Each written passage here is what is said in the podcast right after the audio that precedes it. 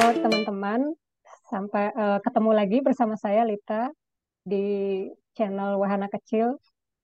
Terima kasih sudah menyaksikan saluran saya ini dan pada kesempatan kali ini saya ditemani oleh Lalu Abdul Fatah. Lalu Abdul Fatah ini saya kenal sebagai seorang penulis tentang catatan perjalanan dan saya berkenalan sama Fatah itu 10 tahun lalu, kalau nggak salah ya, di sebuah Betul. kedai di Jakarta Selatan yang Ya. memperkenalkan pada masa itu calon suami saya. Jadi uh, Fatah datang ke acara diskusi buku yang ditulis oleh suami saya sekarang. Sekarang jadi suami saya. Dan uh, kita sering ngobrol juga ya Fatah ya lewat Twitter, kemudian lewat Facebook dan selama 10 tahun ini saya perhatikan Fatah perkembangannya banyak sekali nih.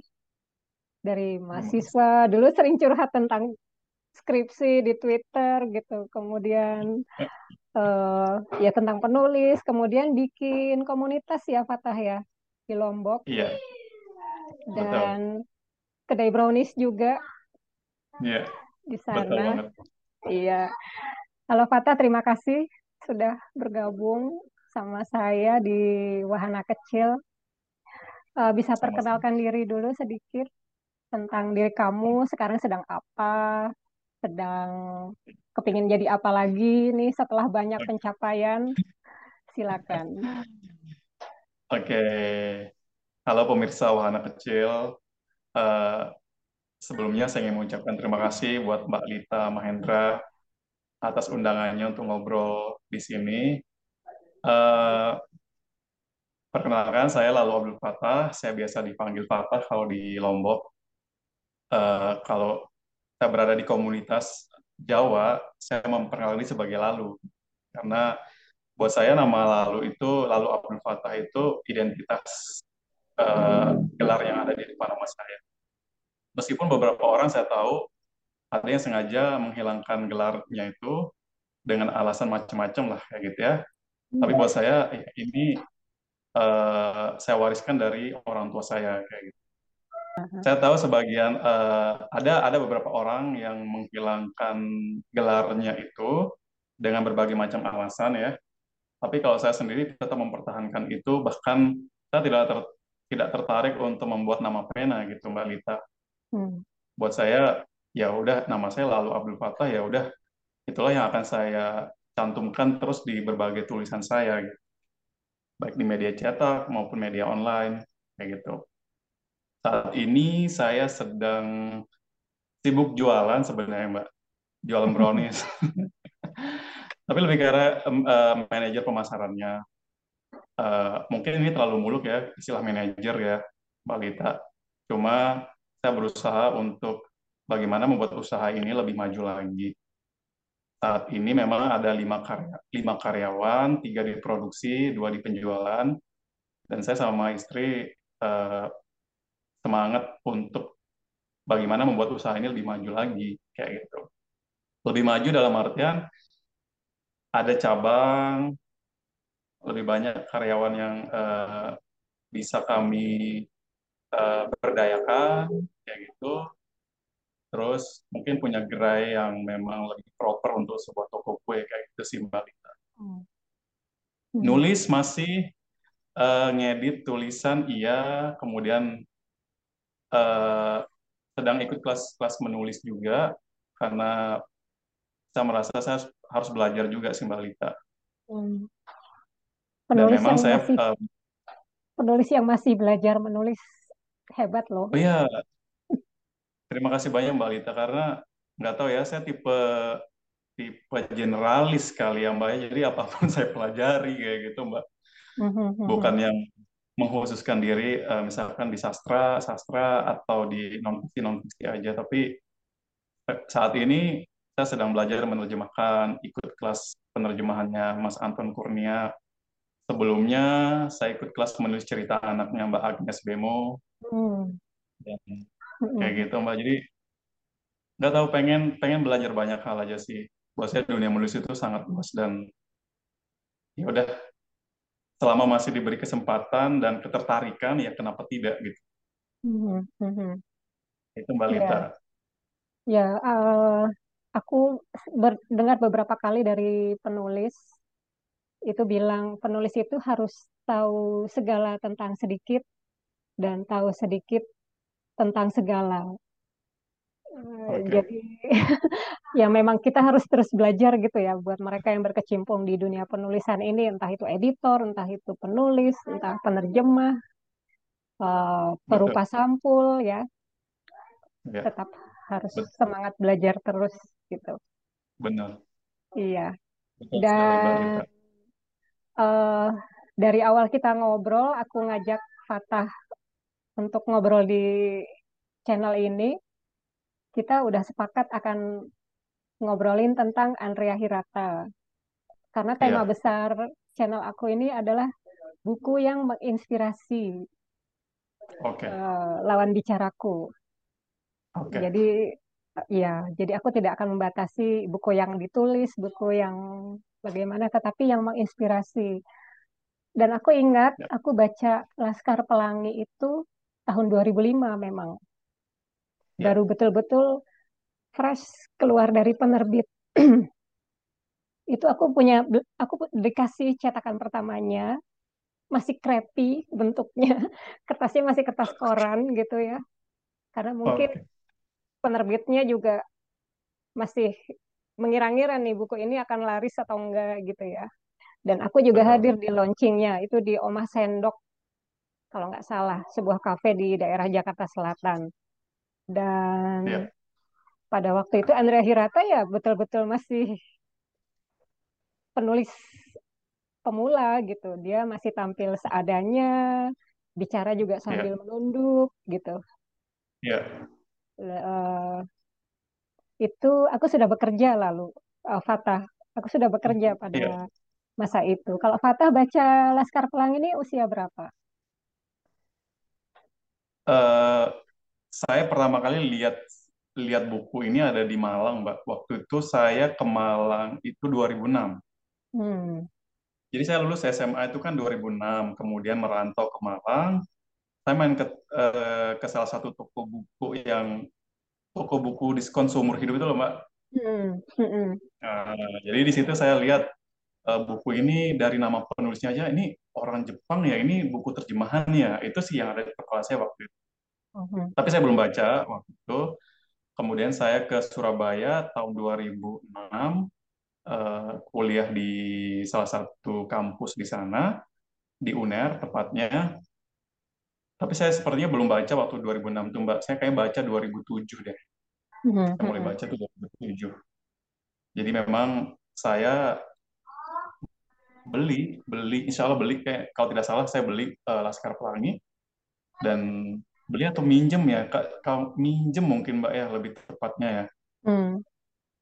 Iya, jadi ada eh, rental buku deket sama kos-kosan saya. Jadi saya minjem di rental buku itu. Hmm. Itu Hmm. perkenalan pertama saya dengan Andre Heta dan dibilang langsung connect lebih mungkin karena sedang dia sedang dibicarakan di mana-mana novel itu Mbak. Sedang dibahas, dibicarakan eh, artinya media juga banyak menulis tentang novel itu. Itu sih, jadi lebih waktu itu kan karena semangat saya adalah membaca karya-karya yang memang waktu itu sedang dibicarakan kayak gitu Mbak. Dan Hmm. saya nggak mau ketinggalan, saya membaca Andre Hirata. Dan ya, so far memang saya agak-agak tersendat ketika menemukan berbagai macam eh, bahasa apa bahasa Latin ya Mbak ya, Hmm. dari berbagai macam spesies yang ada di situ gitu loh. Hmm. Hmm. Itu sih, jadi itu yang saya ingat selain kisahnya ya, selain kisahnya dan bagaimana Andrea bertutur eh, penggunaan berbagai macam istilah Latin di dalam novel itu cukup membuat saya tersendat-sendat dan memang saya tidak menuntaskan novel itu sih Mbak. Hmm. tapi karya-karyanya yang lain saya baca sampai habis. Mhm. Itu. Berarti yang tetralogi itu dibaca semua ya? Tetralogi saya baca semuanya, Mbak. Mhm. Dari uh, Laskar Pelangi, Sang Pemimpi, Edensor, Maria Makarpov, uh, saya baca. Bahkan Hmm. Maria Makarpov saya baca ketika di Lombok, Mbak. Hmm. Saya beli waktu, Iya, iya. waktu itu semester. Yes. Mhm. Kalau eh, dengan pengalaman hidup Fatah nih, dikaitkan Ya. dengan novel-novel Andrea Hirata tadi ya. Eh, maaf sebelumnya karena aku belum, aku hanya membaca keempat novel itu. Karya Oke. Andrea Hirata yang lain aku nggak baca, belum Oke. sempat juga. Meskipun aku tertarik tentang yang tentang kopi.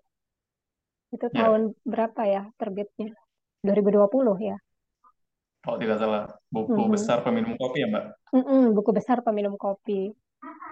Iya. Eh, itu eh, apa nih yang relate nih Tak dengan eh, kemudian Fatah memilih pulang kan dulu tinggal di Surabaya nggak tergoda nih untuk menetap di kota besar. Sempat ke Jakarta juga kan kita ketemu di Iya, Jakarta. Gitu. Betul. kemudian memutuskan untuk pulang ke Lombok membangun komunitas ya yang aku Iya, tahu. Karena suamiku juga sempat datang ke tempat iya. Fatah ya tahun lalu. Eh, tahun ini, Mbak, tahun ini ya awal tahun ini iya.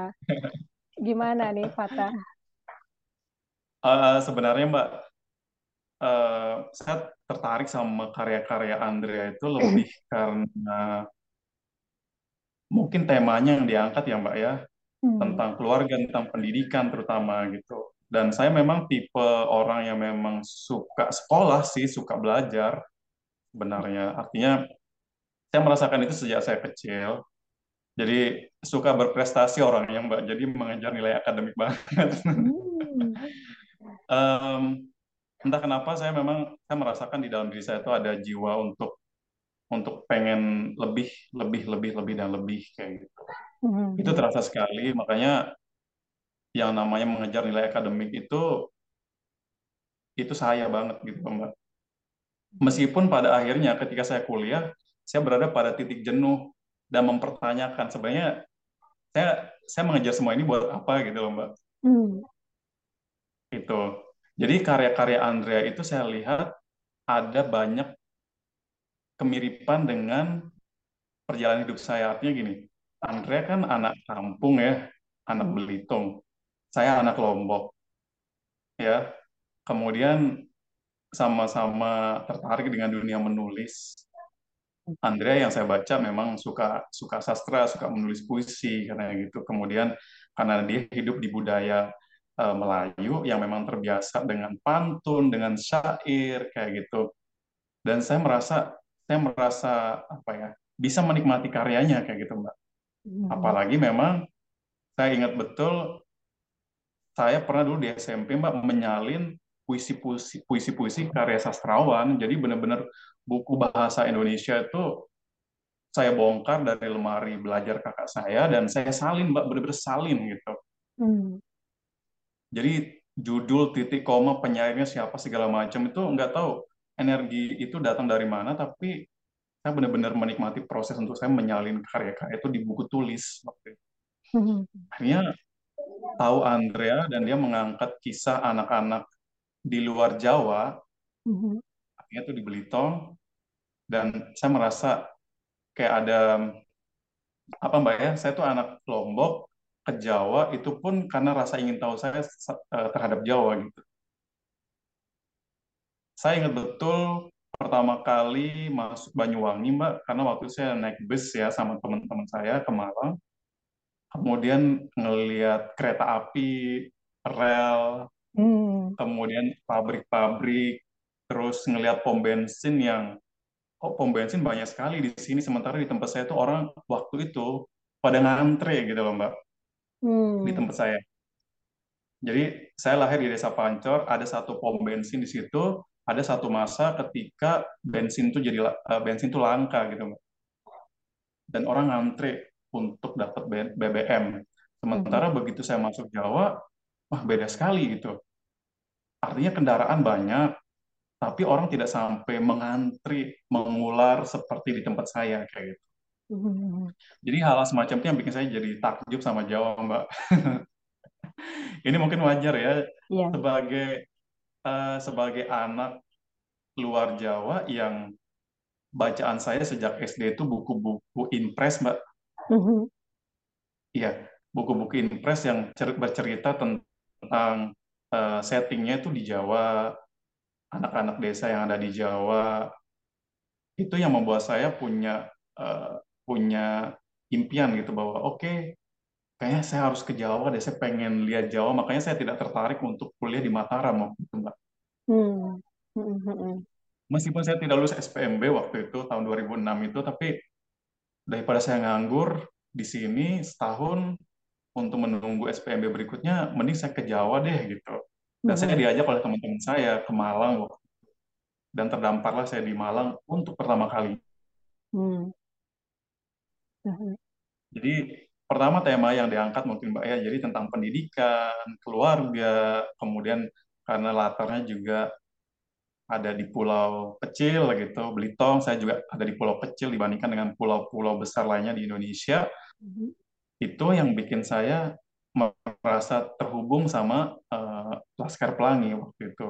Mhm. Kemudian tentang sekolah, tentang guru, tentang pendidikan secara umum, itu juga tema yang memang di kepala saya, wah saya tertarik sama tema ini karena orang tua saya, bapak saya, meskipun dia PNS, pegawai negeri, tapi ketika pensiun, eh, beliau kembali ke dunia mengajar, kayak gitu, Mbak.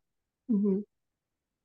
Kakak-kakak saya yang perempuan jadi guru, bibi-bibi saya guru. Jadi tema guru, eh, artinya profesi guru yang diangkat oleh Andrea Hirata dalam no- novel Laskar Pelanginya itu, saya merasa mudah untuk masuk gitu. Itu Mbak Gita. Jadi Iya. itu. Kemudian karya-karyanya yang lain adalah karena tentang mimpi, tentang pencapaian mimpi, Mhm. apalagi Laskar eh, Laskar Pelangi sang pemimpi waktu itu ya Iya. saya memburu novelnya Andrea gitu. Eden Hmm. Sor, bagaimana Andrea eh, kuliah di di Eropa itu juga yang ada di gambar saya saya pengen kuliah di luar negeri juga Mbak. S2, Hmm. S3. Hmm. Meskipun sekarang ini mungkin saya memutuskan untuk eh, kayak enggak deh. Ya, siapa tahu ada Amin. jalan hidup orang kan kita nggak pernah bisa duga. Iya Mbak. Iya. kayak gitu. Jadi karena karena saya dibahas tentang sekolah, pendidikan, terus bagaimana eh, bersekolah setinggi-tingginya. Itu mungkin yang benar-benar waktu itu benar-benar kayak saya saya tertarik. Saya pengen kayak tokoh-tokoh yang ada di novelnya Andrea kayak gitu.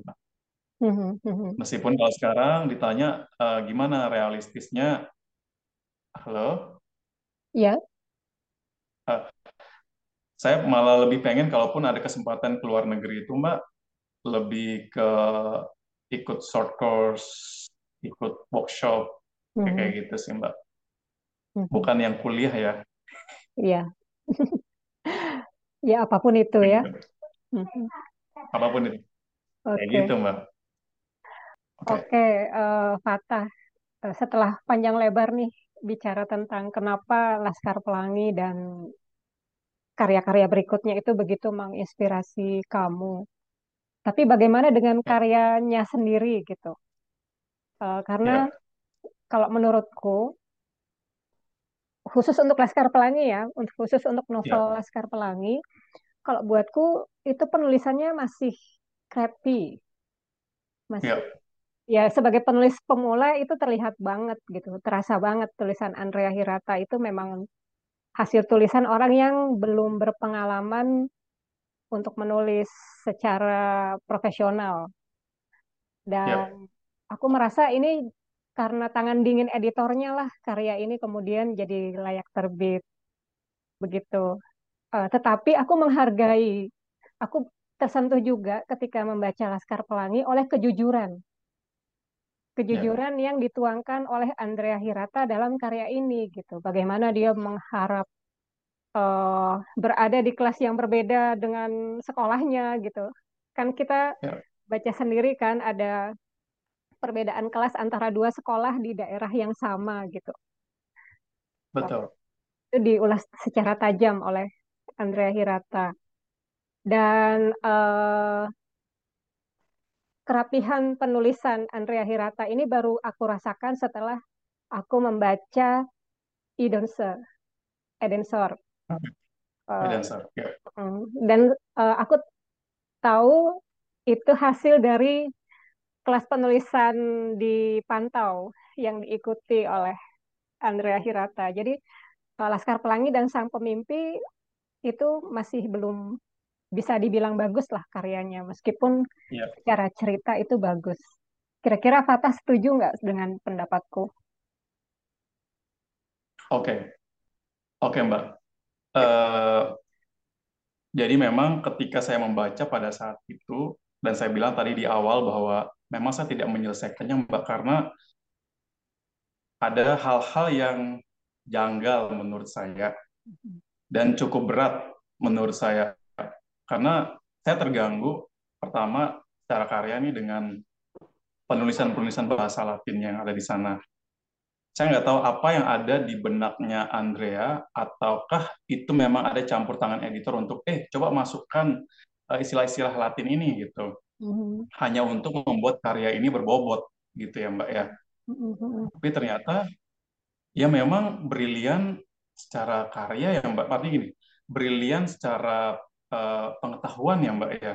Iya. Tapi secara pengetahuan, tapi sempat saya dapat eh, materi seminar waktu itu bahwa kita membaca fiksi itu kita menikmati, kita kita menikmati pengalaman membacanya, bukan untuk kita dapat pengetahuannya. Mungkin pengetahuannya bisa kita dapatkan dari non fiksi kayak gitu loh Mbak, Mhm, mhm. kayak gitu. Tapi ya sah-sah saja karya fiksi kita juga bisa selipkan eh, informasi-informasi di situ.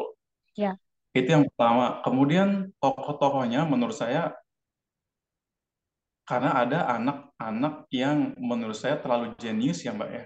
Iya, iya, itu yang Artinya mengganggu. Ya mengganggu juga. Mhm, Jadi voice-nya si atau suaranya si tokoh anak ini kalau tidak salah si Lintang kalau tidak salah mhm, mhm. Itu itu dia pinter sekali. Dia dia dia terlalu jenius menurut saya untuk menjelaskan berbagai macam hal untuk ukuran anak-anak SD kayak gitu. Iya, iya, aku setuju. Dan mungkin seperti ya, Ya kenapa gimana? Mbak? Terusin aja dulu.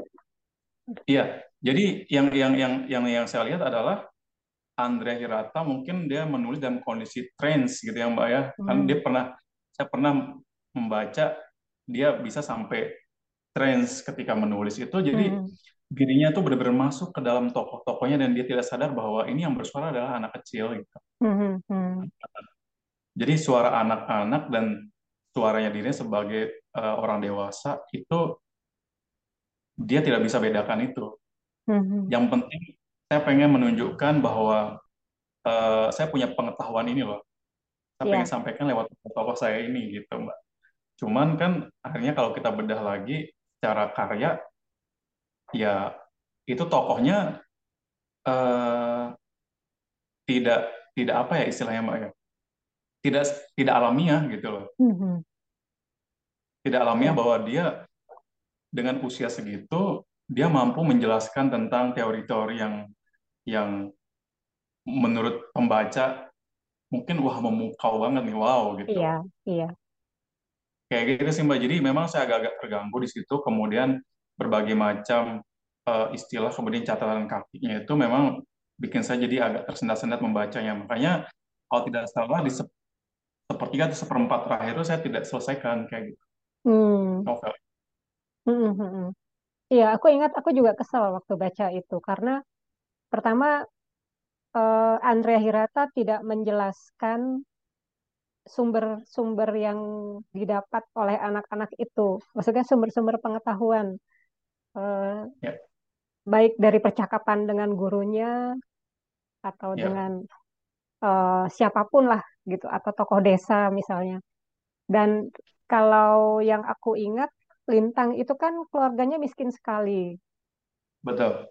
ya terus dari mana dia dapat pengetahuan itu gitu loh tidak dijelaskan misalnya Lintang biar miskin seperti Matilda dia sempat eh, dia setiap hari datang ke sekolah datang ke perpustakaan gitu nah sementara Ya, di daerah itu sekolahnya aja mau rubuh apalagi ada perpustakaan gitu kan betul.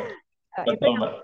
itu yang buat aku nggak nggak masuk akal kemudian juga eh, Bu Halimahnya juga secara Muslimah, Bu siapa? Bu Muslimah ya? Muslimah, iya Bu muslimah. Bu Muslimah itu juga eh, terlalu di apa ya terlalu dikultuskan gitu sebagai Oke. seorang guru. Ya mungkin aku nggak ngerti ya tapi eh, di desa seperti apa misalnya anak-anak memandang guru itu tetapi eh, di ya orang yang besar di kota besar ya eh, ya, jadi aku tidak pernah memang ada guru yang aku idolakan tapi tidak sampai sejauh itu gitu Fatah ya, dan buatku ya. kalau misalnya Lintang Halo? ya halo Ya. Tadi sempat freeze. freeze ya Ya, ya Mbak. kita gantian nggak apa-apa Iya, Mbak. Dan Nice. dan apa eh, kalau aku lebih suka dengan gayanya Iwan Setiawan Oke. yang yang dia dia cerita tentang New York itu kan dia kembali ke Ya, kampungnya juga seperti Andrea Hirata eh, seperti ya itulah dia membangun kampungnya untuk eh, memajukan pendidikan di desanya tetapi dia menggunakan eh, tokoh hayalan jadi ada anak kecil kan mengenakan ya, baju SD merah putih gitu dan itu yang mengutarakan pengetahuan-pengetahuan yang disesat oleh si tokoh gitu. Aku lebih ya. menghargai tokoh yang seperti itu ketimbang ada tokoh yang dibuat seolah nyata tapi Ya, tidak masuk akal gitu. betul. Mhm. Betul, Mbak. Saya setuju. Eh, saya tidak tahu apakah bagaimana bagaimana editor bekerja juga untuk eh, memoles naskah ini, Mbak. Saya tidak tahu. Tapi momentumnya, Mhm. momentumnya setelah sebelumnya itu kan sastra Islami ya, Mbak ya. Jadi Ya. waktu itu, iya, kemudian muncul karya yang eh, mungkin tidak Islami-Islami banget, tapi menurut orang itu menginspirasi kayak gitu ya, Mbak ya. Dan Hmm. Saya nggak tahu apa titik momentumnya Indonesia eh, pembaca pada saat itu tergila-gila sama karya-karya seperti ini gitu loh. Hmm. Kalau aku melihatnya eh, pada masa itu ya tahun 2005 dan setelahnya eh, di Jakarta nih, Fatah, pada masa itu iya, orang-orang pembaca maksudnya, pembaca buku itu sudah mulai jenuh dengan ciklit, tinlit iya, gitu.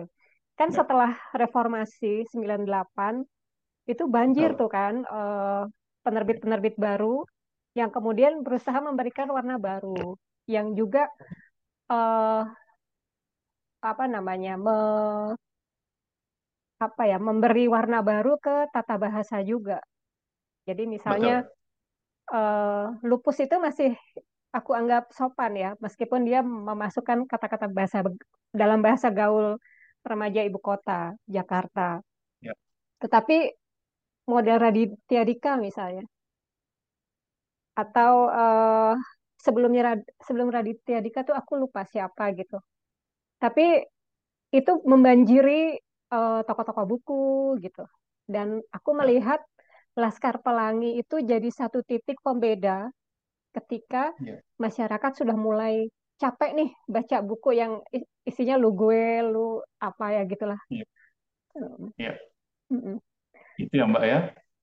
Itu pendapatku sih yang nggak tahu mungkin aku bisa dimarahin pendiri penerbit-penerbit pada masa itu Tapi kalau tapi dengar. tapi memang kan tapi memang eh, bisa jadi Mbak, bisa jadi kan apalagi pembaca artinya kan mungkin orangnya sa- sama Mbak ya. Kemudian mereka ke intens ke toko buku, kemudian ngeliat buku-buku yang seperti saja ada kejenuhan kan pastinya Mbak. Mhm, mhm. kemudian saya nggak tahu eh, Bentang dan Mas Imam itu bagaimana melihat naskah ini. Apa mungkin karena juga ditulis oleh penulis dari dari dari luar Jakarta sebagai epicentrum para penulis ya. Kemudian Andre, Andrea juga hadir dengan dengan eh, gaya bahasanya sendiri yang khas Melayu gitu, Mbak.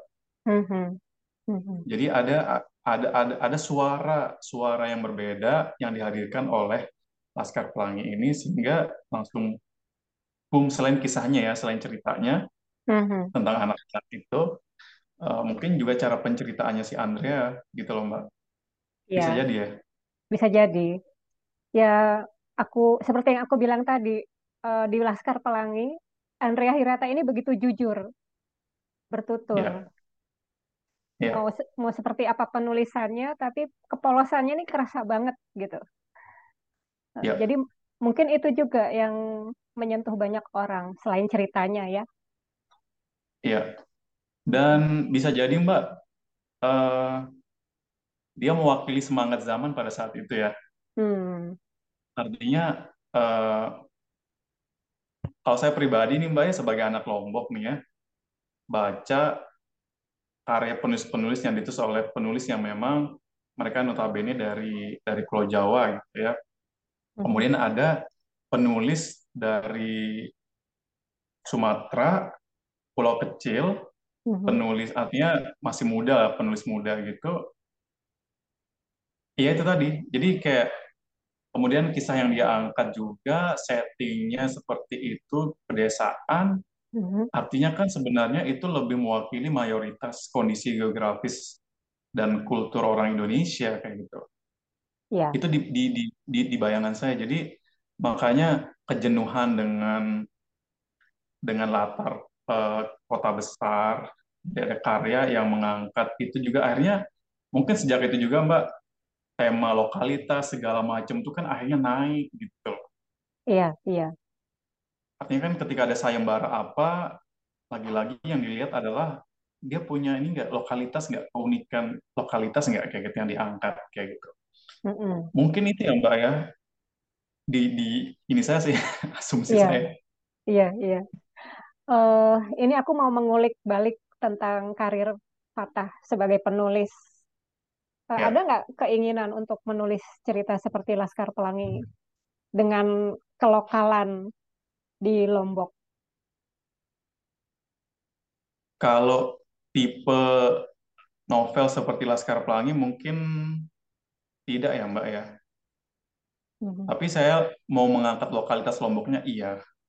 mhm, Artinya setelah saya ke sini kemudian eh, bergelut sejak 2014 sampai sekarang eh, mengajar penulisan kreatif, malah yang bikin saya tertarik adalah tema-tema lokalitas tapi tidak melulu seperti yang diangkat oleh Andrea gitu loh.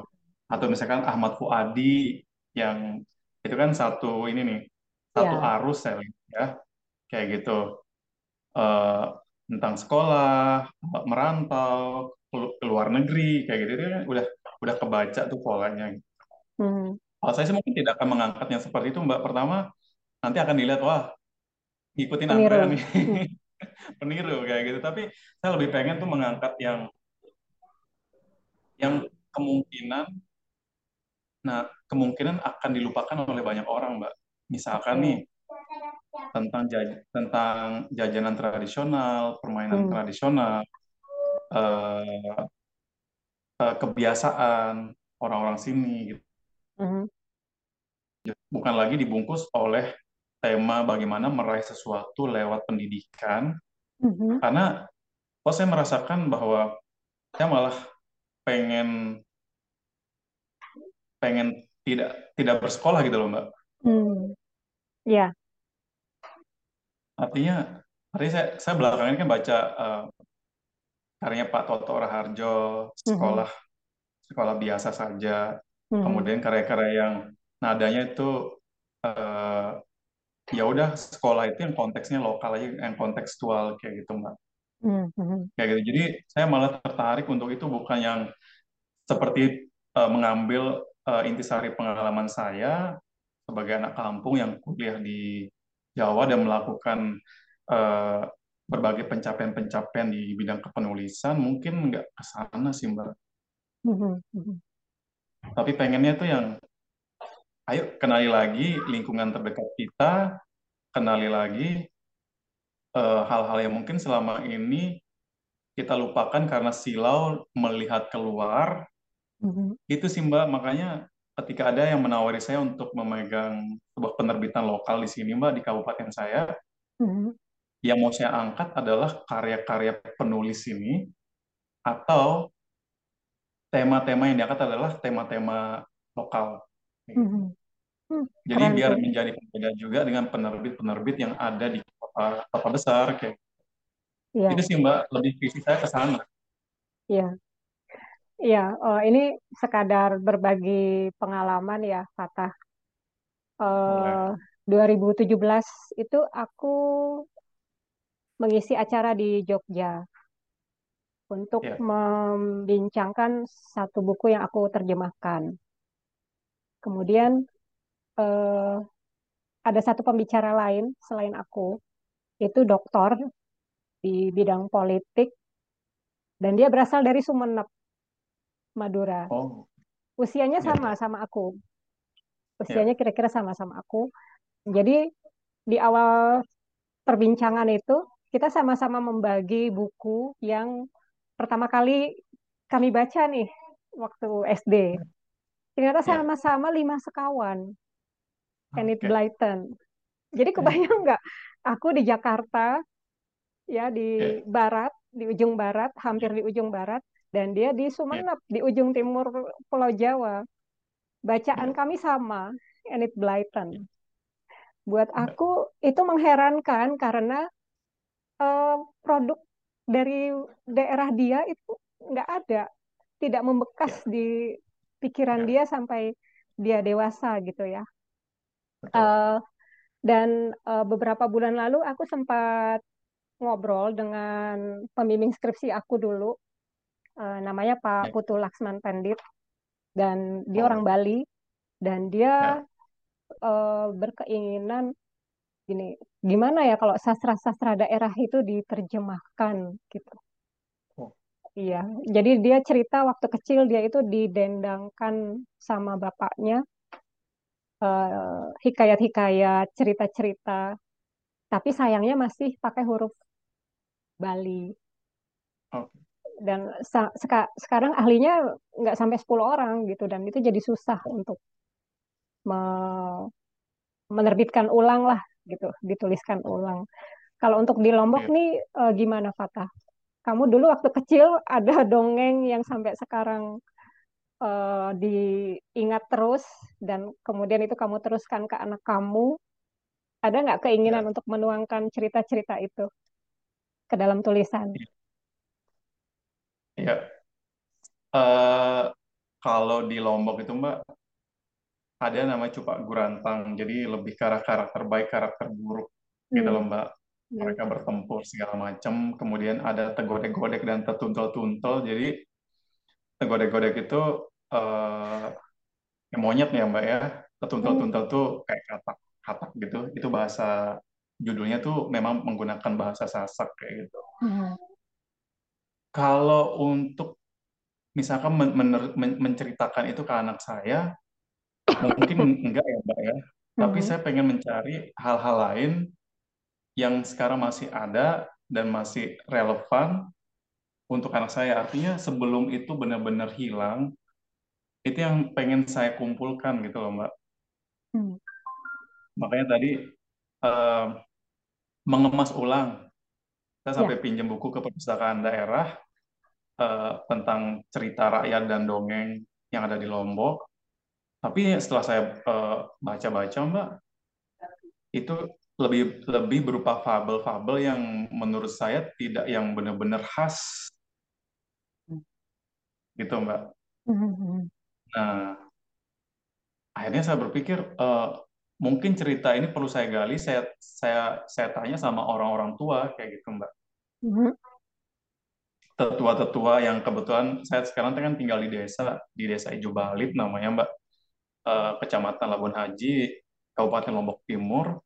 Mhm. eh, saya lebih malah lebih pengen tuh kayak langsung datang menyimak para orang tua nih yang sudah sepuh udah enam puluh tujuh puluh tahun mendengarkan cerita masa kecil mereka seperti apa dan itu yang saya tulis kayak gitu loh Mbak. Mhm. Mhm. Makanya eh, bulan Oktober lalu kami kan sempat bikin lokakarya menulis cerita anak di sini Mbak Mhm.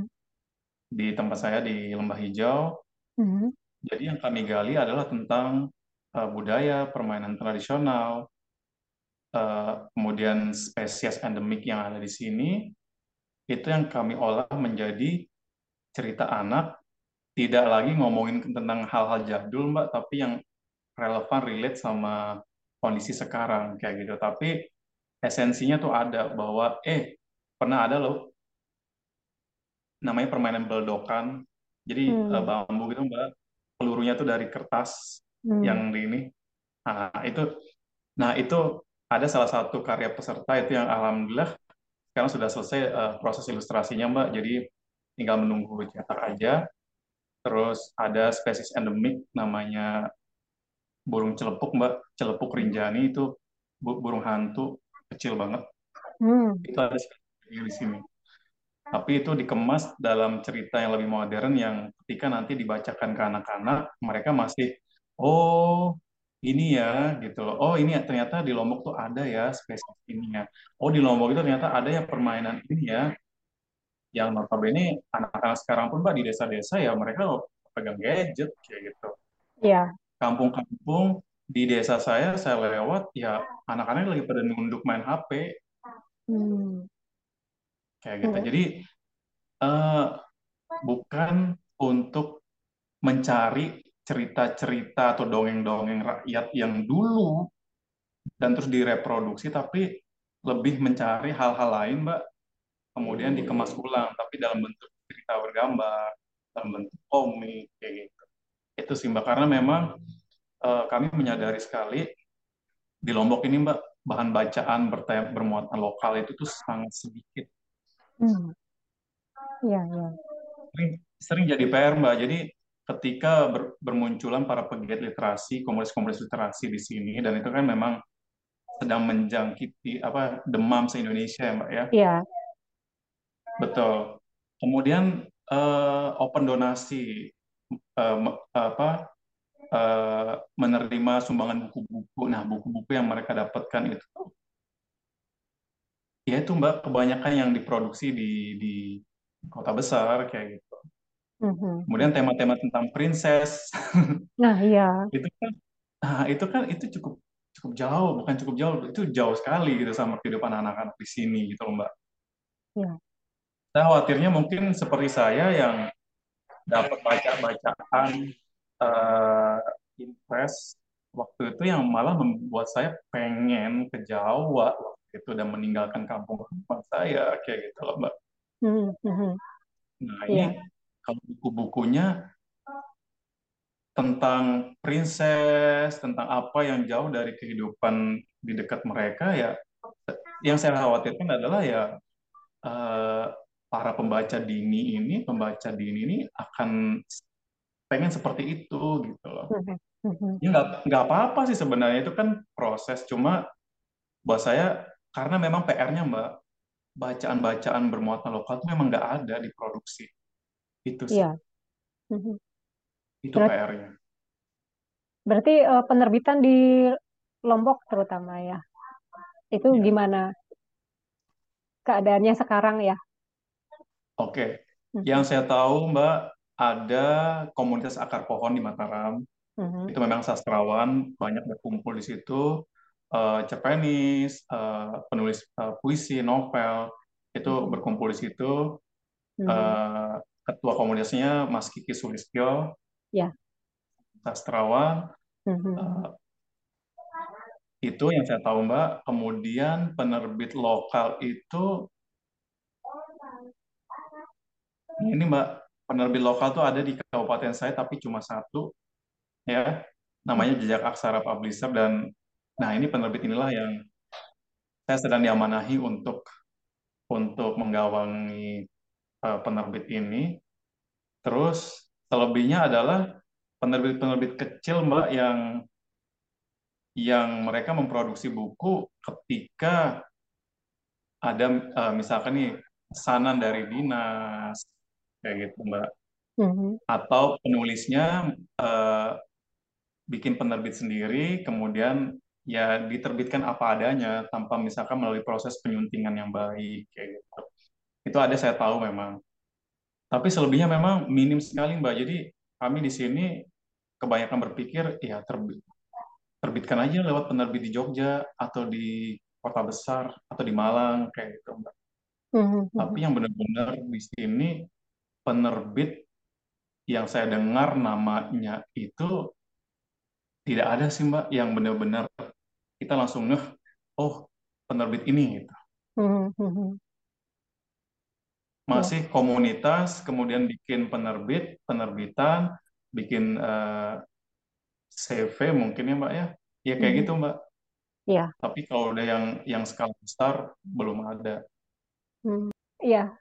Eh, tapi buat aku itu menggembirakan sih Fatah karena paling tidak ada. Eh, jadi awal bulan kemarin aku berkumpul dengan 500 perempuan dari seluruh Indonesia. Eh, dan ada beberapa yang memang tukang baca. Jadi biar ibu-ibu, mereka Ya. ibu-ibu eh, dari daerah pedalaman begitu, eh, segelintir lah yang suka baca. Tapi eh, ketika aku tanya, "Eh, ibu baca ceritanya siapa gitu kan? Dia bilangnya saya baca ceritanya eh, Seno Gumira, saya baca ceritanya Umar Khayyam gitu. Oh, Ya, buat aku hebat eh, ya. untuk mereka ya dengan akses terbatas, tapi tidak ada yang menyebutkan satupun penulis daerah mereka gitu. Dan aku kecewa karena Ya. aku kepengen tahu gitu. Mereka Ya. tuh penulis daerah yang mereka idolakan tuh siapa gitu. Iya, Benar-benar. heeh, gitu. Dan dan mungkin ini Mbak ya, jadi memang yang saya lihat adalah eh, saya tahu memang ada komunitas-komunitas sastra di sini Mbak, ada di di Hmm, Mataram ada, di Lombok Timur pun ada gitu ya. Cuman eh, entah saya nggak tahu apakah karena mereka juga tidak ingin terlalu apa ya melakukan apa sih Mbak memperkenalkan diri mereka ke halayak yang lebih luas lagi mhm, atau ya udahlah biarkan aja kalau yang yang tertarik ya mereka pasti akan ke kami gitu loh Mbak. hmm, mhm, mhm, Jadi jadi jadi mereka tidak ada yang keinginan untuk dengan dengan mindset mungkin kita harus dikenal nih, kita harus eh, bikin eh, roadshow, bikin workshop, bikin apa ke sekolah-sekolah, mungkin ke instansi atau ke komunitas-komunitas apa. Jadi nggak ke arah sana sih Mbak. Makanya gagasan untuk bikin lokakarya kemarin itu eh, akhirnya terwujud karena itu Mbak. mhm, Karena tidak ketemu ini ini ini, ini, ini, eh, bahasan kami di tim yang bikin lokakarya itu bahwa para produsen karya ini mereka tidak menyentuh ranah anak-anak kayak gitu Mbak. hmm, mhm, mhm. Jadi Ya, memang berkutat dengan karya-karya sastra yang kayak cerpen, novel, kayak gitu, puisi, kayak gitu. Dan buat saya sih nggak masalah. Makanya, tapi gimana cara kita menjembatani atau menjangkau eh, generasi yang di bawah, kayak gitu. iya, iya, betul, betul. Kayak gitu sih, Mbak. Jadi memang, jadi memang eh, ada ada gap itu yang saya lihat. Mhm, Kemudian artinya ya udah deh, saya tidak mau bilang bahwa asik dengan komunitasnya sendiri ya enggak. Cuma mungkin tidak ada gregetnya juga ya untuk merengkuh yang lebih bawah lagi, generasi yang lebih muda lagi kayak gitu. oke. Iya, iya. Yang saya tahu memang ada eh, seniman masuk sekolah itu ada. Mhm, Kemudian eh, mengajarkan anak-anak sekolah bikin film, eh, mhm, puisi, eh, cerpen, itu tuh ada memang program itu. Cuma eh, memang saya masih belum melihat bahwa karya-karya itu di- diperbincangkan, karya-karya itu dibedah, dikritisi kayak gitu. Jadi masih yang ya oh ya udah si sekolah ini bikin film ini dengan tema ini settingnya di lokal gitu ya. Ya udah gitu loh Mbak. Tapi yang benar-benar tidak yang kita bincangkan di mana-mana itu enggak, belum belum sampai di situ levelnya. Kayak gitu Mbak Lita. Itu tadi obrolan tentang komunitas di Lombok ya, Fatah. Dan Ya, dari status-status Fatah yang aku baca nih di Facebook, di Instagram, itu kan Fatah juga banyak terlibat dengan kegiatan literasi di Lombok. ya, Yang sebagian sudah ya, Fatah ceritakan tadi. Kemudian juga kita sempat ngobrol tentang penjurian ya kemarin. Fatah sempat ya. sedikit cerita. Eh, setelah ini eh, rencananya apa nih Fatah? Di Lombok mau ada apa atau Oke. Apakah akan bikin Lombok Literary Festival seperti di Makassar? Oh, aku seneng banget. Nanti Mbak sudah hadir ya. Datang sama Mas Daniel. Sip. Iya, amin. Jadi Mbak, memang sejak Lokakarya ta- eh, bulan lalu, saya Mhm, ditawari oleh penyelenggaranya untuk untuk eh, menjaga gawang penerbit penerbitannya gitu. Namanya Jejak Aksara Publisher. mhm, Eh, artinya sebelum saya lulus kuliah tuh saya membayangkan saya akan kerja apa ya dan saya salah satunya adalah kerja di media, salah satunya adalah lebih khusus lagi di penerbitan kayak gitu. Dan mhm, baru sekarang saya dapat tawaran itu dan saya langsung yang saya lakukan pertama kali adalah Mbak eh, bertemu dengan berbagai macam orang, kemudian memantau pergerakan komunitas-komunitas literasi yang ada di kabupaten saya. Kemudian saya hadir di tengah-tengah mereka, entah sebagai narasumber awalnya, tapi setelah itu berlanjut ke eh, kumpul, ikut eh, ngelapak bareng, baca sama mereka. Kemudian ke pondok pesantren, saya juga ikut ke sana, kayak gitu. Kemudian diskusi-diskusi lepas juga di luar kegiatan eh, komunitas ini. Lebih kepada apa, Mbak? Jadi saya pengen, menangkap apa sih yang mereka sedang gagas, apa yang mereka ingin angkat lewat gerakan-gerakan mereka ini. Kemudian saya ajak untuk, ayo nulis gitu loh, Mbak. mhm, Saya ada penerbit nih gitu yang akan bersedia untuk, kalaupun belum punya kemampuan untuk menulis eh, dengan baik gitu, saya bersedia untuk untuk mentorin gitu Mbak. Ada Duta Baca Lombok Timur itu di bawah perpustakaan daerah anak-anak SMA isinya Mbak. Dan saat ini eh, kami sedang menyusun eh, jajanan tradisional Lombok. Jadi mhm, benar-benar harus turun ke lapangan, riset, wawancara, foto kayak gitu dan itu dilengkapi dengan narasi. Kemudian ada anak-anak sanggar baca juga di sini. Saya deketin, habis itu saya dorong mereka, ayo bikin karya dengan teman-teman anggota dulu. Gitu. Karena ini ada penerbit yang akan siap untuk menerbitkan karya teman-teman ini. Terus ada satu teman eh, teman sekolah saya ikut kelas menulisnya Mbak Agnes Bemo menulis cerita anak dan dia mengangkat tentang fiksi fiksi tapi diarahkan oleh Mbak Agnes untuk eh, angkat lokalitas Lombok juga dalam eh, fiksi fantasi kamu.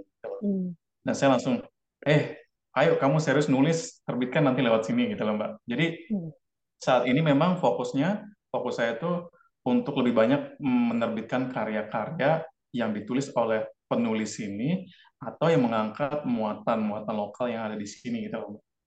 mhm, mhm, Gitu. Jadi lebih lebih banyak lagi karya yang kita produksi, tapi tentu saja lewat proses kurasi ya Mbak ya, bukan asal terbit, asal banyak-banyak kan. Gitu tuh saya juga nggak mau karena itu juga eh, pasti akan berdampak juga ke depannya kan. Karya mhm, buruk diterbitkan kayak gitu. mhm, mhm, Tapi minimal saya saya menyusup di antara mereka, mendengarkan obrolan mereka, diskusi sama mereka, dan menangkap kira-kira bisa nggak eh, ini kita arahkan untuk menulis kayak gitu. Dengan anak-anak Karang Taruna di desa saya pun gitu Mbak. Jadi saya diskusi dengan ketua Karang Tarunanya, dia tertarik untuk mengangkat kisah-kisah yang ada di desa Ijo Balik ini Mbak. Dan saya Mhm. bilang, ayo kita tulis, Mhm. kumpulkan eh, para pelajarnya, pelajar SMA-nya, mahasiswanya, nanti saya siap untuk melatih kayak gitu, Mbak. Eh, artinya mungkin seperti yang dilakukan oleh Mas Golagong dengan rumah dunianya, saya juga ingin melakukan itu di kampung saya, kayak di desa saya. Mhm. Kayak gitu sih Mbak. Jadi lebih pengen lebih banyak karya-karya yang yang bisa kami munculkan dari daerah kami kayak Ya, gitu. Jadi tidak melulu kita sebagai konsumen, tapi kita juga bisa memproduksi. Tapi Mhm. sebelum memproduksi, kita perlu belajar dulu ya, apa, bagaimana, apa yang perlu kita angkat, bagaimana eh, penulisannya, eh, segala macam. Mhm. Jadi itu sih Mbak. ya, Kalau memang nggak ada karyanya, ya udah mari kita adakan karya itu. Caranya nanti lewat lewat lewat karya, lewat workshop, lewat pelatihan kayak gitu. Dan kalau untuk komersi-komersi kayak gitu, Mbak, saya memang kita tidak perlu berbicara tentang materi, saya bilang. Kecuali kalau misalkan ada sekolah atau instansi yang memang dia yang mengundang saya itu kan beda cerita. Tapi kalau yang ya, ini, saya lihat mereka ada potensi. Tapi bagaimana memunculkan potensi itu, bagaimana caranya, dan semangatnya ada, Mbak, untuk Mhm. Mhm. pengen punya karya yang terpublikasikan, ya, yang dicetak. ya, ya. Lebih ke arah sana, Mbak. Mhm. Yang rencana yang yang yang ada di di, di kepala saya. Makanya Mhm. diamanahi ini, saya sih seneng banget. Kayak Itu gitu, Mbak Lita. Itu impian yang terwujud ya. Alhamdulillah, Mhm. alhamdulillah. Ini kita balik ke Laskar Pelangi lagi. Boleh. Eh, Fatah, eh, seberapa besar buku ini memicu Fatah untuk mewujudkan mimpi yang sekarang nih sedikit banyak udah sedikit eh, sudah terwujud gitu. Oke. Saya kan tahunya Laskar Pelangi itu gara-gara novel itu kemudian dibikin diangkat ke layar lebar. Ini kunjungan wisatawan juga kan yang tadi saya baca sampai 1.800 persen. Itu pernyataan Andrea itu yang berkunjung ke Belitung, Mbak. Hmm. Oke lah dengan mungkin nanti dengan segala konsekuensi berikutnya ya, Mbak ya. Mhm. Eh, artinya dia juga bisa eh, lewat karya dia bisa membantu pemerintah sana untuk meningkatkan PAD mereka kayak gitu. Mhm. Mhm. Dulu buku buku Travelisius Lombok yang saya tulis itu juga memang gagasan atau pemicunya juga waktu itu ada program pemerintah NTB untuk Lombok eh, visit Lombok Sumbawa 2012 waktu itu Mbak. Mhm. Visit Lombok Sumbawa 2012. Mhm. Buku itu terbit 2011. Jadi pas banget momennya gitu. Mhm. Jadi ke- kemudian setelah buku itu lahir, saya bikin komunitas Lombok Backpacker, Mbak, grup di Oke. Facebook. Hmm. Jadi waktu itu pikiran pendek saya adalah untuk memperpanjang napas dari buku ini. Gitu. Iya, iya. Nah, karena kan kalau cuma buku, kemudian informasi juga tidak bisa diupdate secara berkala, kayak gitu kan. Nah, ini lewat grup inilah, lewat grup di, di, di, di medsos inilah, di Facebook inilah, itu bisa di terus di, di update informasinya. Dan ternyata Mbak, Masya Allah itu grup luar biasa hidupnya. Hmm. Bahkan yang terjadi adalah meskipun saya waktu itu masih di Surabaya, tapi ada teman-teman saya yang bersedia menjadi admin di grup itu dan membantu teman-teman traveler dari luar Lombok untuk memberi informasi. Bahkan akhirnya termasuk uh, berteman, kemudian terwujud juga gagasan untuk bikin rumah singgah kayak gitu di Mataram. Mhm. Jadi bisa disinggahi oleh para traveler dari luar Lombok. Terus Mhm. bikin kegiatan sosial, uh, pendidikan segala macam. Meskipun waktu fisik saya bayangkan bisa terwujud lewat buku, kemudian lanjut bikin grup. Mhm. Itu alhamdulillah Mbak. Saya sih menjauh, artinya Iya. saya tidak yang terlalu banyak berkecimpung di grup itu gitu loh. Meskipun Mhm. saya bahkan pulang ke Lombok pun saya tidak terlalu banyak uh, nimbrung di grup gitu Mbak. Tapi biarkanlah itu mengalir secara organik aja. Selebihnya saya memantau dan saya memilih literasi aja Mbak Iya, iya. Karena lebih baik fokus ya ketimbang ini, ini, ini. Jadi nggak kepegang semua. Iya. Tadi kan Betul. Fatah sempat menyinggung soal pariwisata ya. Di Ya, Belitung itu kan memang setelah film terutama ya. Karena kalau di bukunya aku nggak terlalu melihat ada satu pemicu orang untuk datang ke Belitung. Tapi ya, begitu divisualkan gitu ya, kampungnya Andrea Hirata seperti apa gitu kan, dengan ya, pantainya, itu orang jadi kemudian berbondong-bondong. Dan ya itu sedikit banyak membantu pemerintah daerah. Dan yang Ya, terjadi sekarang, eh, pariwisata itu kan ke arah timur nih, Patah Labuan Bajo, betul, ya. Lombok pasti terimbas gitu. betul. Sementara nih, aku beberapa dalam dua tahun belakangan, eh, aku mengedit, aku sedang menyusun sebuah ensiklopedia, eh, itu Ya, ten- tentang perempuan pokoknya. Dan ya, ada sebagian itu bercerita tentang kehidupan perempuan di daerah NTB, ya, Sunda Kecil, dan bagaimana pariwisata itu berdampak. Misalnya, eh, makanan sehari-hari mereka itu jagung, tapi kemudian ya, diubah, hortikultura mereka terpaksa diubah menjadi pisang. gitu. Jadi mau nggak mau penduduk itu harus membeli jagung dari daerah lain ya, untuk makanan pokok kan nggak bisa diganti gitu. ya. Eh, eh. Da- eh, kalau yang terjadi sekarang di Kampung Fatah gimana nih? Ada nggak ada satu perkembangan orang datang berpariwisata, berwisata gitu ya di Kampung Fatah? Terus ada sedikit. Aku tergelitik aja sih karena ingat eh, pariwisata tadi. Iya. Sebenarnya memang sekarang kan lagi demam ini Mbak desa wisata kan. Hmm. Itu juga karena memang program dari pemerintah pusat juga lewat Kementerian Pariwisata dan Ekonomi Kreatif gitu. Hmm. Eh, akhirnya terbentuk kelompok sadar wisata, Pokdarwis segala macam. Nah di desa saya pun begitu Mbak. Jadi semangat untuk eh, menata potensi potensi alam karena saya dari dari rumah saya ke pantai cuma satu kilo Mbak. Oh enak banget. Ya,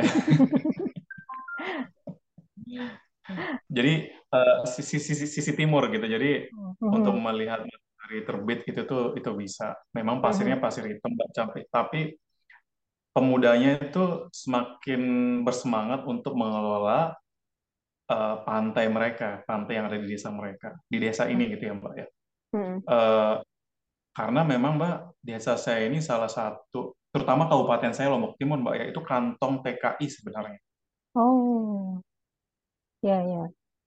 Jadi banyak anak-anak muda yang lulus SMA, SM, eh, SMA, mereka ke Malaysia, terutama ke Malaysia ya Mbak ya. Itu Hmm. kabupaten kabupaten saya tuh penyumbang TKI, kalau tidak salah yang terbesar di NTB Mbak. Hmm. Jadi ketika ada eh, gagasan atau program dari pemerintah untuk bikin desa-desa wisata, artinya kan kayak semacam, ayo balik lagi ke desa kamu, lihat lagi apa yang bisa dilakukan di situ, apa yang bisa dikembangkan di situ, emas di situ, kemudian bisa mendatangkan orang, kalaupun bukan wisatawan mancanegara ya Mbak ya, tapi minimal dari desa-desa sebelah itu ada tempat mereka untuk eh, berwisata kayak gitu. Itu kan artinya uang itu ak- akan berputar di situ-situ gitu Mbak. Betul betul. Dan itu yang saya lihat sih Mbak. Jadi termasuk eh, saya kenal dengan ketua Pok Darwisnya, ketua Karang Tarunanya, dan melihat semangat mereka untuk termasuk tahun depan akan bikin festival Mbak, festival karena ternyata sedang ada demam ke arah sana Mbak. Saya, Hmm.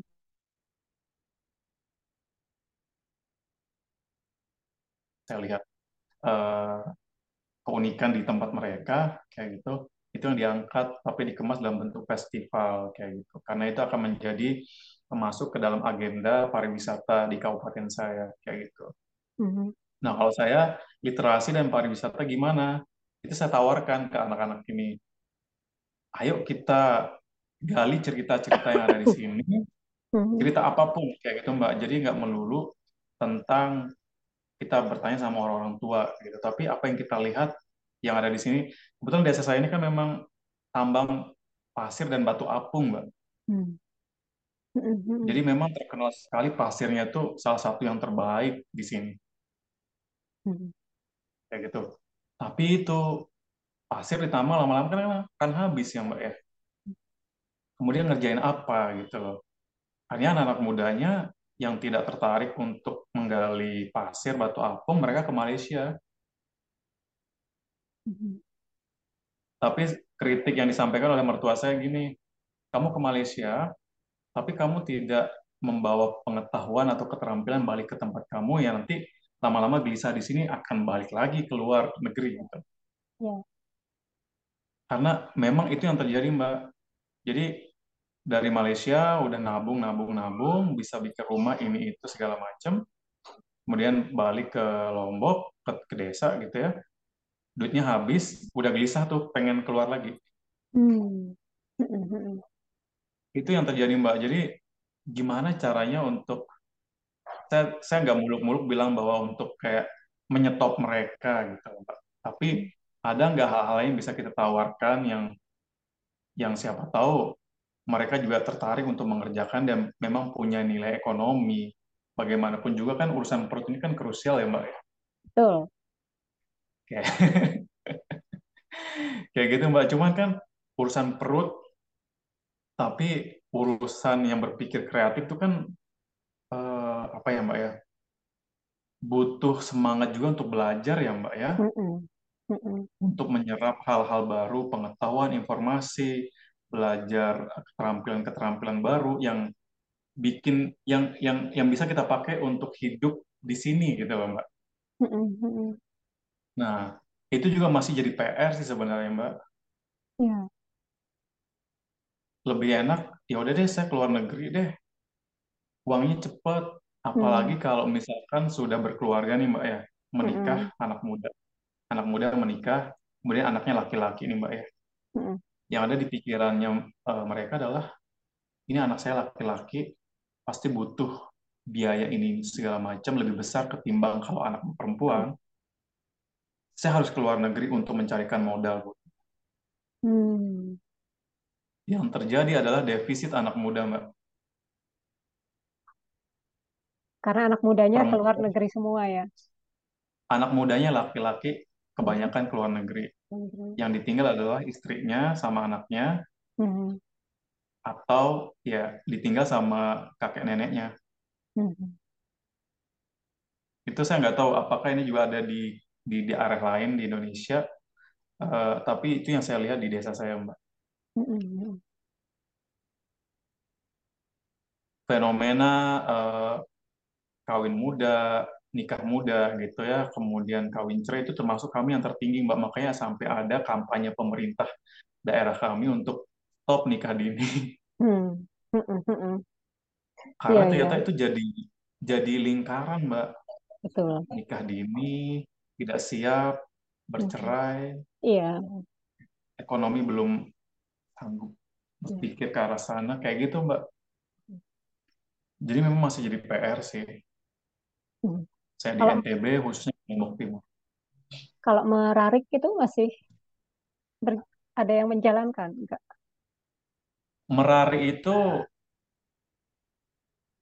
belakangan ini saya jarang ya Mbak ya mendengar orang merari, Ta- tapi lebih karena ya udah ya udah minta baik-baik aja gitu. Hmm. Ada sekali dua yang dibawa kabur gitu Mbak.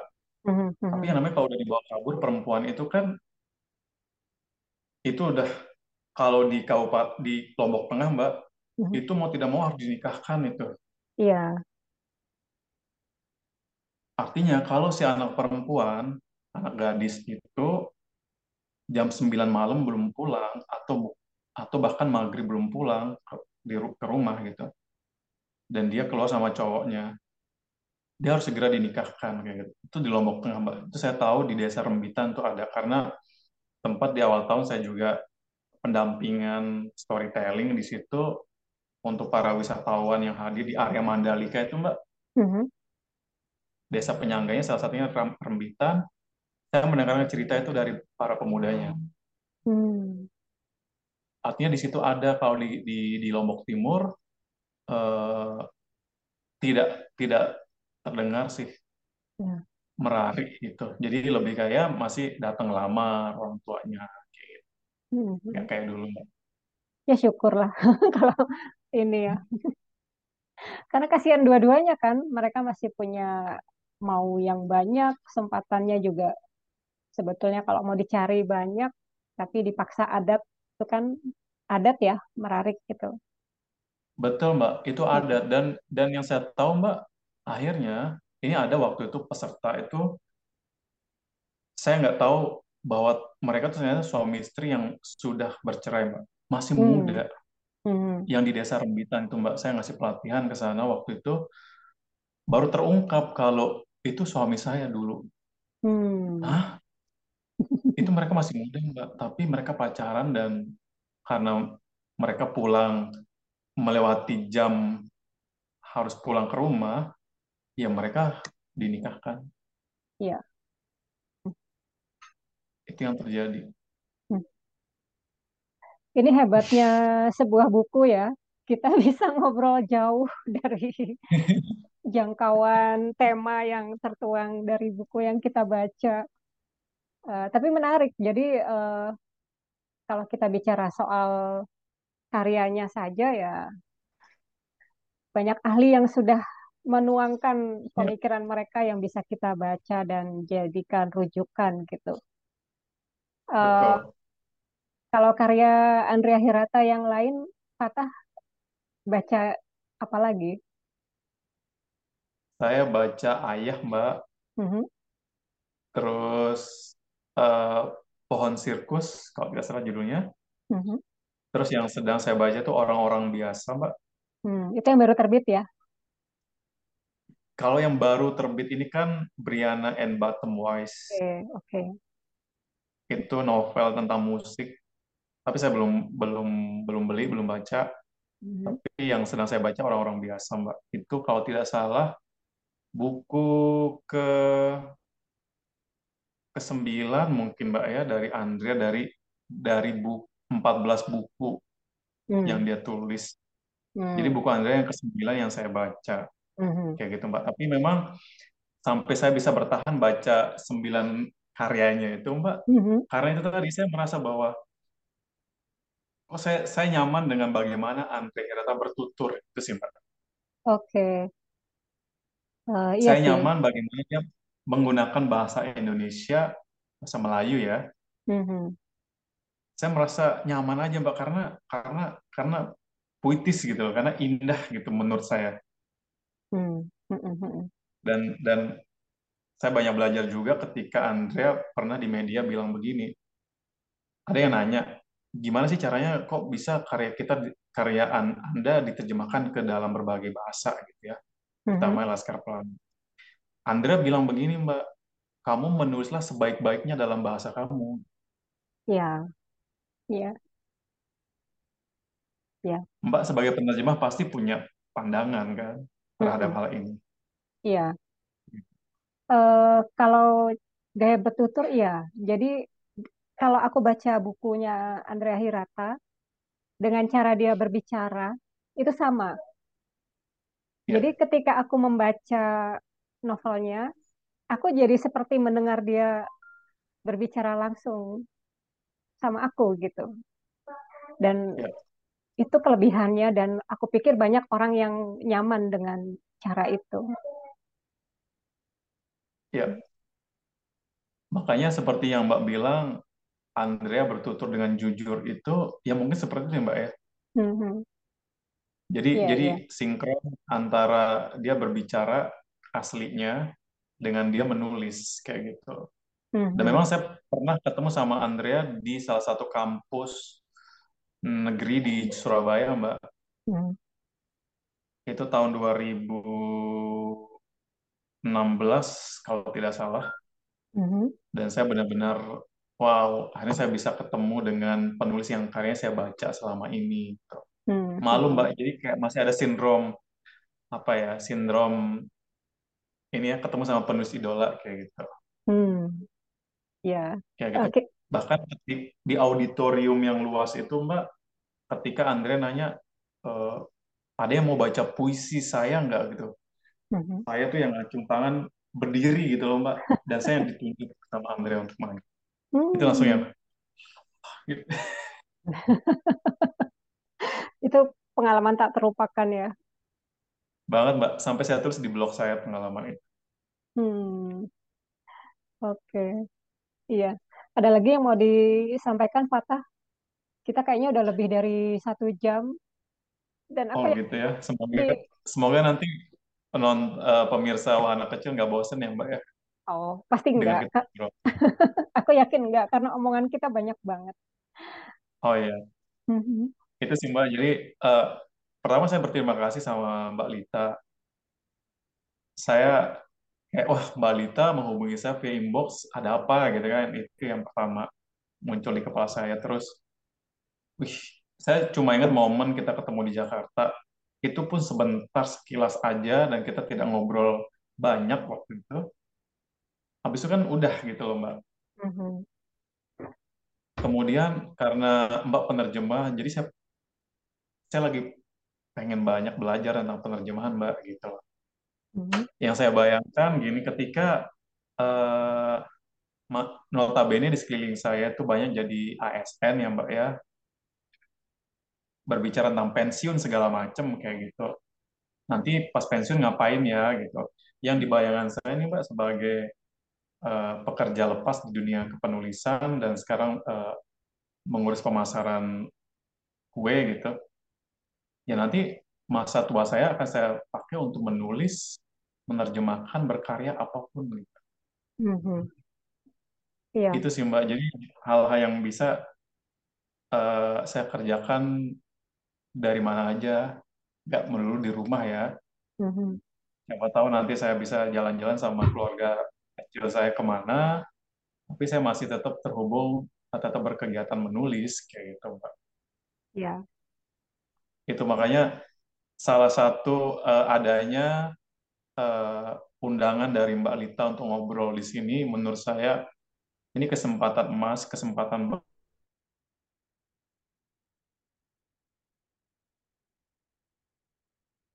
baik buat saya, untian saya, harapan saya. Karena saya yakin nanti ketika saya melihat ini atau anak saya Aksa ya menonton ini, dia akan bisa melihat, oh ini ini yang dikerjakan oleh mami saya gitu. Hmm. Kayak gitu Iya, Mbak iya. Lita. Sebenarnya terima kasih. Iya. Thank you Mbak. Sama-sama. Terima Aku juga seneng banget Fatah langsung menyambut, wah ayo Mbak gitu. Eh, tapi ya mohon maaf tertunda sekian lama sejak ajakan pertama karena ya kita sama-sama punya sesuatu yang harus didahulukan gitu. Betul. Dan benar eh, orang-orang yang berkecimpung di dunia kita itu nggak ada pensiunnya, Fatah. Itu enaknya, itu Ya, enaknya. Dan eh, anak cucu kita tetap bisa melihat ya, dalam tanda kutip, melihat seperti apa hidup kita melalui ya, apa yang kita kerjakan. Jadi ya, eh, itu juga salah satu tujuan aku bikin channel ini karena siapa tahu ini bisa diwariskan ke anakku, ke cucu aku, mereka amin. akan lihat gitu pemikiranku seperti apa, pemikiran teman-temanku, circle aku seperti apa gitu. ya, Semoga betul Mbak. ya aku berdoa semoga ada manfaatnya buat mereka. Amin, amin. Setuju Mbak, saya setuju banget. Amin. Ya, Selain karya tertulis atau karya di eh, di media digital gitu Mbak ya, tapi kayak eh, rekaman obrolan seperti ini juga itu menurut saya penting. ya, Mungkin oke lah, sekarang zaman podcast dan memang saya dulu sebelum podcast meledak, memang saya penikmat podcast Mbak gitu loh. Mm-mm. Artinya di situ saya bisa langsung kebayang ini si narasumbernya itu kayak begini karakter karakternya dia, suaranya dia seperti ini. Kemudian saya cari tahu ternyata secara visual oh begini eh, fotonya kayak gitu Mbak. oh ini kan video nih jadi bener ke- yang yang Mbak bilang suatu saat mungkin anak saya cucu akan bisa melihat rekaman video ini Iya, apa pun yang bisa dia dapatkan tapi ya ada jejak digital yang baik yang bisa kita tinggalkan buat mereka iya, Kayak gitu Mbak Lita. setuju. Oke, Fatah, terima kasih banyak ya. Sudah sama-sama Mbak Lita. dua jam lebih kita ngobrol. Iya, Aku yakin di Lombok udah malam ya, beda satu jam dengan Ya, Bandung. iya, jam 10 Mbak, 21.59. Oke, ya di sini jam 9. Terima kasih banyak. Salam buat Aska, buat ibunya. Sukses dengan segala rencana kamu dan semoga kapan-kapan kita bisa ketemu. Entah di Lombok, Amin. entah di Bandung. Iya, Ya, amin Mbak. oke. Terima kasih banyak Salam ya, Fata. Sampai ketemu sama-sama Mbak lagi. Sampai ketemu salam sama Skala sama Mas Daniel Oh, Mahendra. iya. Dan kepada teman-teman yang sudah menyaksikan Wahana Kecil bersama Lalu Abdul Fatah, terima kasih. Sampai ketemu lagi di episode berikutnya.